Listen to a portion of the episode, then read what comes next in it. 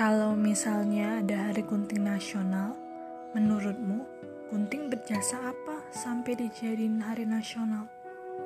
Gunting apa ya? Bingung.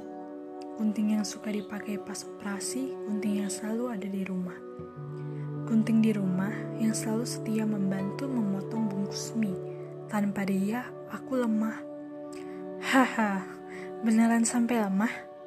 Hmm, pisau kalah dong ya. Iya, kalah.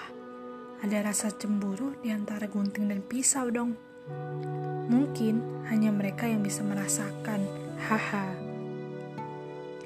Jika mereka jadi manusia, akankah mereka saling berkelahi? Tidak, mereka saling mengerti. Itu adalah indahnya perbedaan. Iya, perbedaan menyatukan segalanya. Mereka bisa saling melengkapi. Benar itu. Dan juga berarti nggak ada alasan untuk saling membuli, ibaratkan pagi dan malam, sama-sama memiliki kegunaan menyinari bumi dengan cara berbeda, tetapi tidak ada sedikit pun rasa iri. That's right.